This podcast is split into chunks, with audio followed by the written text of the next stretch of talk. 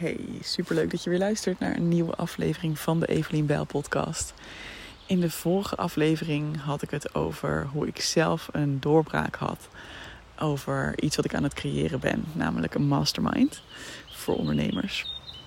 Waarover binnenkort meer. Misschien als deze podcast uitkomt, ben ik alweer verder. Maar ik uh, wil nu nog graag met je een ander verhaal delen. En dat is dat ik nu ongeveer twee weken geleden, één week geleden.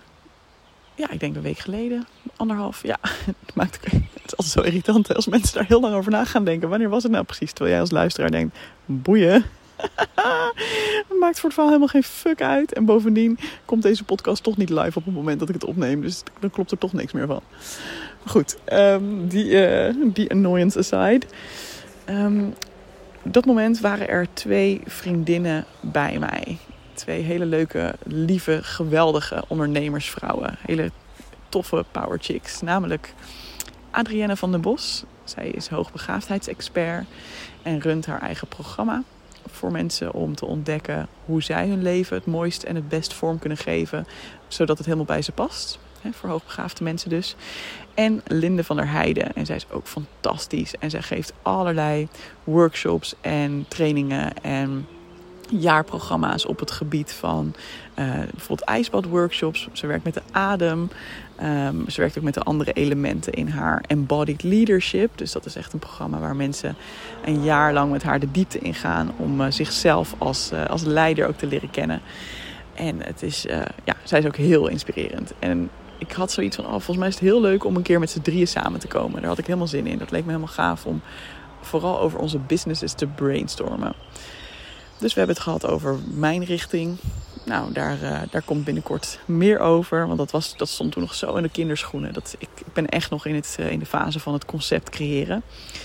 Uh, bij, met Linde hadden we het over van... Oh, zij heeft zoveel creatieve ideeën. En ja, wat, welke keuzes maakt ze zodat het gestroomlijnd blijft en, en behapbaar. Want zij is zo creatief dat het ehm, ja, en ook alles eigenlijk wat ze doet, dat, dat werkt ook heel goed. dat is ook wel heel gaaf. Maar het is natuurlijk heel goed om dan ook keuzes te maken van wat wel en wat niet. Zodat je ook je energie goed houdt. En dat het allemaal behapbaar blijft. En met Adrienne gingen we brainstormen over ehm, haar nieuwe programma voor hoogbegaafde ondernemers specifiek. En dit verhaal gaat niet specifiek over die inhoud hoor. Dus als je denkt, ja, ik ben helemaal niet hoogbegaafd. Ja, weet je, kan mij dat, mij dat schelen? Ja, dat snap ik, maar daar gaat het even niet om. Waar het mij om gaat is dat we op een hele bijzondere manier zijn gekomen tot een naam voor haar programma. Want hoe het ging is dat ze eigenlijk eerst deelde van... nou, dit is wat ik van plan ben om te gaan doen. Dit uh, zijn de elementen. Ze had het eigenlijk al heel helder voor zichzelf. Dit is de doelgroep. Zo wil ik het eruit laten zien. Zo zorg ik voor de goede borging en bedding. En uh, nou, het wordt echt een geweldig jaarprogramma. En daarna zei ze van, nou, ze, dus ze wilde graag van ons weten van, nou, wat zou je graag van mij willen leren? Dus daar hadden wij nog, uh, ja, nog feedback op en ook wat ons gaaf uh, goed vond. Hoe zeg je dat? Wat ons goed klonk aan, uh, aan haar ideeën.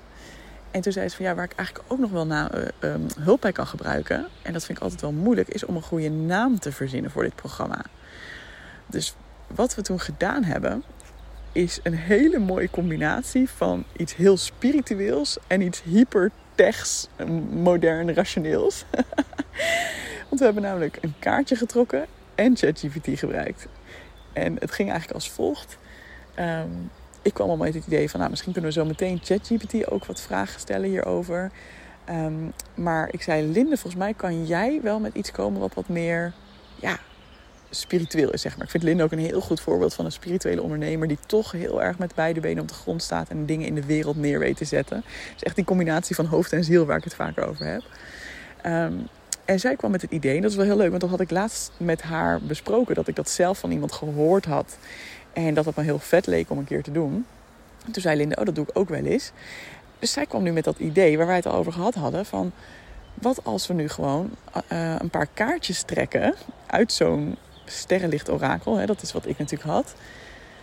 Um, ook ter inspiratie. En ik vond het echt heel cool. Want um, ik heb dat ook wel eens gehoord dat mensen dat soms doen. Bijvoorbeeld, stel dat je een programma wil maken met vijf modules. Dat je dan bijvoorbeeld vijf kaarten trekt. En dat elke kaartje kan inspireren voor de energie van die module. Als je niet zo into de zweverige dingen bent, dan vind je dat misschien onzin. Maar ik denk, ja, weet je, als er niks ligt wat je interessant vindt, dan negeer je het gewoon. En wie weet, soms brengt het je net even op een andere manier aan het denken, weet je wel. Waardoor je dan kan denken, oh ja, dit woord of die, dit gevoel, dat mag er inderdaad in zitten. Dus ja, hoe leuk om daarmee te spelen. Dus uh, nou, zeiden we, oké, ja, goed idee. Je gaat uh, lekker kaartjes trekken. Dus ik vroeg, hoeveel kaartjes zou je willen trekken hiervoor? Dus zij zei vier. Oké, helemaal goed. Dus heeft de, de kaartjes geschud. En vervolgens uh, vier stapeltjes gemaakt naast elkaar. En uit elke stapel één kaart getrokken die haar het meest aansprak. En daarna begon ze ze één voor één om te draaien. En het was echt heel cool om te zien dat um, ja, eigenlijk elke kaart wel weer een ander aspect van dat programma dat zij wil maken. Dat, uh, dat jaarprogramma dat dat uh, belichaamd werd door die kaarten. Dus dat was heel erg mooi. En natuurlijk kun je altijd. Hè, de scepticus in mij zegt: ja, weet je, je kunt elke kaart wel daar naartoe lullen, want het zijn zulke algemeenheden. dat altijd klopt. Maar dat maakt helemaal niet uit, want nogmaals, wat, uh, zelfs al is, het, al is dat het geval, dan nog kan het je inspireren om te denken: oh, welke woorden haal ik eruit? En dat is natuurlijk zeker als je een naam ook gaat verzinnen, maar ook als je de inhoud gaat verzinnen, is het natuurlijk heel interessant om te kijken van hey, welke woorden in deze kaart of in de uitleg van deze kaart triggeren mij? Welke woorden spreken me aan? Welke woorden vind ik gaaf? Dus zo heeft Adrienne voor al die kaarten wat opgeschreven. Nou, het was echt het was super mooi wat er allemaal uitkwam. En vervolgens zijn we dus met de dingen die zij had opgeschreven, ben ik dat allemaal in ChatGPT gaan zetten. Van oké, ChatGPT, geef me 20 ideeën voor namen voor een programma dat hier en hier over gaat, dat deze en deze doelgroep heeft. Um, en uh, dit zijn elementen die erin voor mogen komen. Hè. Dit, dit, is hoe het mag voelen. Dit is wat het, wat het voor deelnemers mag opleveren. Dus al die dingen die haar getriggerd hadden. En ook de dingen die zij zelf al had bedacht. Van nou, dit is hoe het moet zijn, zeg maar.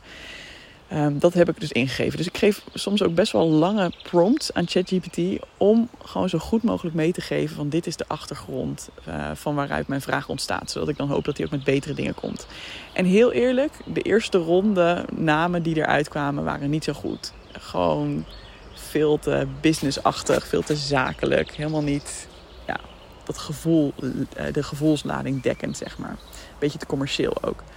Dus nou ja, dan geven we weer een prompt van oké, ik maak het nu iets, iets korter, want het waren ook hele lange namen. En haar eerste programma, zeg maar, ze heeft natuurlijk een gewoon programma voor um, hoogbegaafde mensen die zichzelf gaan ontdekken. En dat heet Insight. Dus dat is wel kort en bondig. Um, dus dan past het niet om daarna de expensive leap of, weet je wel, of entrepreneurship of zo te doen. Ik zeg maar wat. dus ik zei het mag korter. Echt één woord of twee woorden en kort en bondig. Nou, zo zijn we nog een paar keer heen en weer gegaan. En ik, ik las gewoon af en toe wat voor uit wat me dan uh, aansprak. Linde deed ondertussen hetzelfde ook. En op een gegeven moment, ik denk in ronde drie of vier, was er één titel. En helaas, ik mag de titel niet met je delen. Want dat wil ze natuurlijk lekker zelf gaan, uh, voor zichzelf houden en zelf gaan lanceren binnenkort. Maar er was één um, ding waarvan ik de woorden opnoemde. En toen zei ze: hey, dat ene woord, dat is een mooi woord. En daar heb ik al wel eens vaker over nagedacht. Dat is al wel eens eerder in me opgekomen. Dus dat was ze misschien vergeten. Of dat heb je soms, hè, dat je dan iets wel eens een keer bedenkt, maar dat het dan ook weer een beetje wegvloeit. En dat er dan iets komt dat je denkt: oh ja, wacht even. En wij vonden dat ook allebei een heel mooi woord. En het is ook echt. Het geeft echt iets van energie aan en beweging. En ja, het is gewoon een heel mooi, kort, bondig, maar ook heel krachtig woord. Plus we konden allebei, Linde en ik, allemaal liedjes bedenken waar dat woord in voorkwam. Dus die gingen we ook luisteren. En ja, eigenlijk voelden we gewoon met z'n drieën, dit is het gewoon. En natuurlijk mag Adrienne dat helemaal zelf nog bepalen. Ze gaat er natuurlijk over nadenken. Maar de dag daarna was ze er in ieder geval nog steeds heel blij mee. En ja, ik zou zeggen, volg haar ook, Adrienne van den Bos. Als je wil weten wat de naam is geworden. Um, maar de kern hier is denk ik wel van ja, hoe cool om gewoon je open te stellen voor allerlei manieren waarop er informatie tot je mag komen. Hè? En het is wel grappig, want bijvoorbeeld met die kaarten, ik denk dat. ik wou zeggen, ik denk dat bijna niemand zegt: ik geloof niet in ChatGPT. Nou, misschien eigenlijk ook wel. Misschien niet op de rationele manier van ik geloof niet dat het bestaat. Ik denk dat mensen dat moeilijk kunnen ontkennen. Maar er zit in beide wel iets van: oh, het is een beetje gekkig, het is een beetje anders, het is een beetje nieuw misschien. Um, om op die manier tot je informatie te komen, tot inspiratie te komen. Maar ik denk dat het allebei hele toffe dingen zijn, waarbij het ook heel goed laat zien van kijk, als je zo'n kaart trekt, je gaat niet blindelings datgene wat er dan staat in die uitleg plakken, kopiëren en gebruiken. Zo is het niet. Het, is, het zet jou als creatief wezen aan het denken. En het brengt je weer een stapje verder in je denkproces. Net zo heb ik met ChatGPT ook heel vaak. Dat de dingen die eruit komen, ga ik ook niet blindelings kopiëren. Soms misschien een stukje wel hoor, maar niet alles wat eruit komt. Nee, het is aan mij als ondernemer en als creatief persoon en als mens met een brein om te selecteren. Om te kijken van, ja, dit pak ik wel, dit pak ik niet. En met dit stukje ga ik nog weer verder. En ja, ik vind dat creatieproces gewoon super cool. En ehm, ja, hoe heerlijk dat er gewoon middelen zijn. Hele oude middelen, zoals kaartjes trekken. En hele nieuwe middelen, zoals AI. Om onszelf daarbij te helpen. Dus ja, ik ben eigenlijk wel heel benieuwd van deze twee praktijken. Wat zou jou eerder aanspreken om te gebruiken? Of heb jij ook zoiets van, nou, het kan gewoon lekker allebei. Juist leuk om te combineren.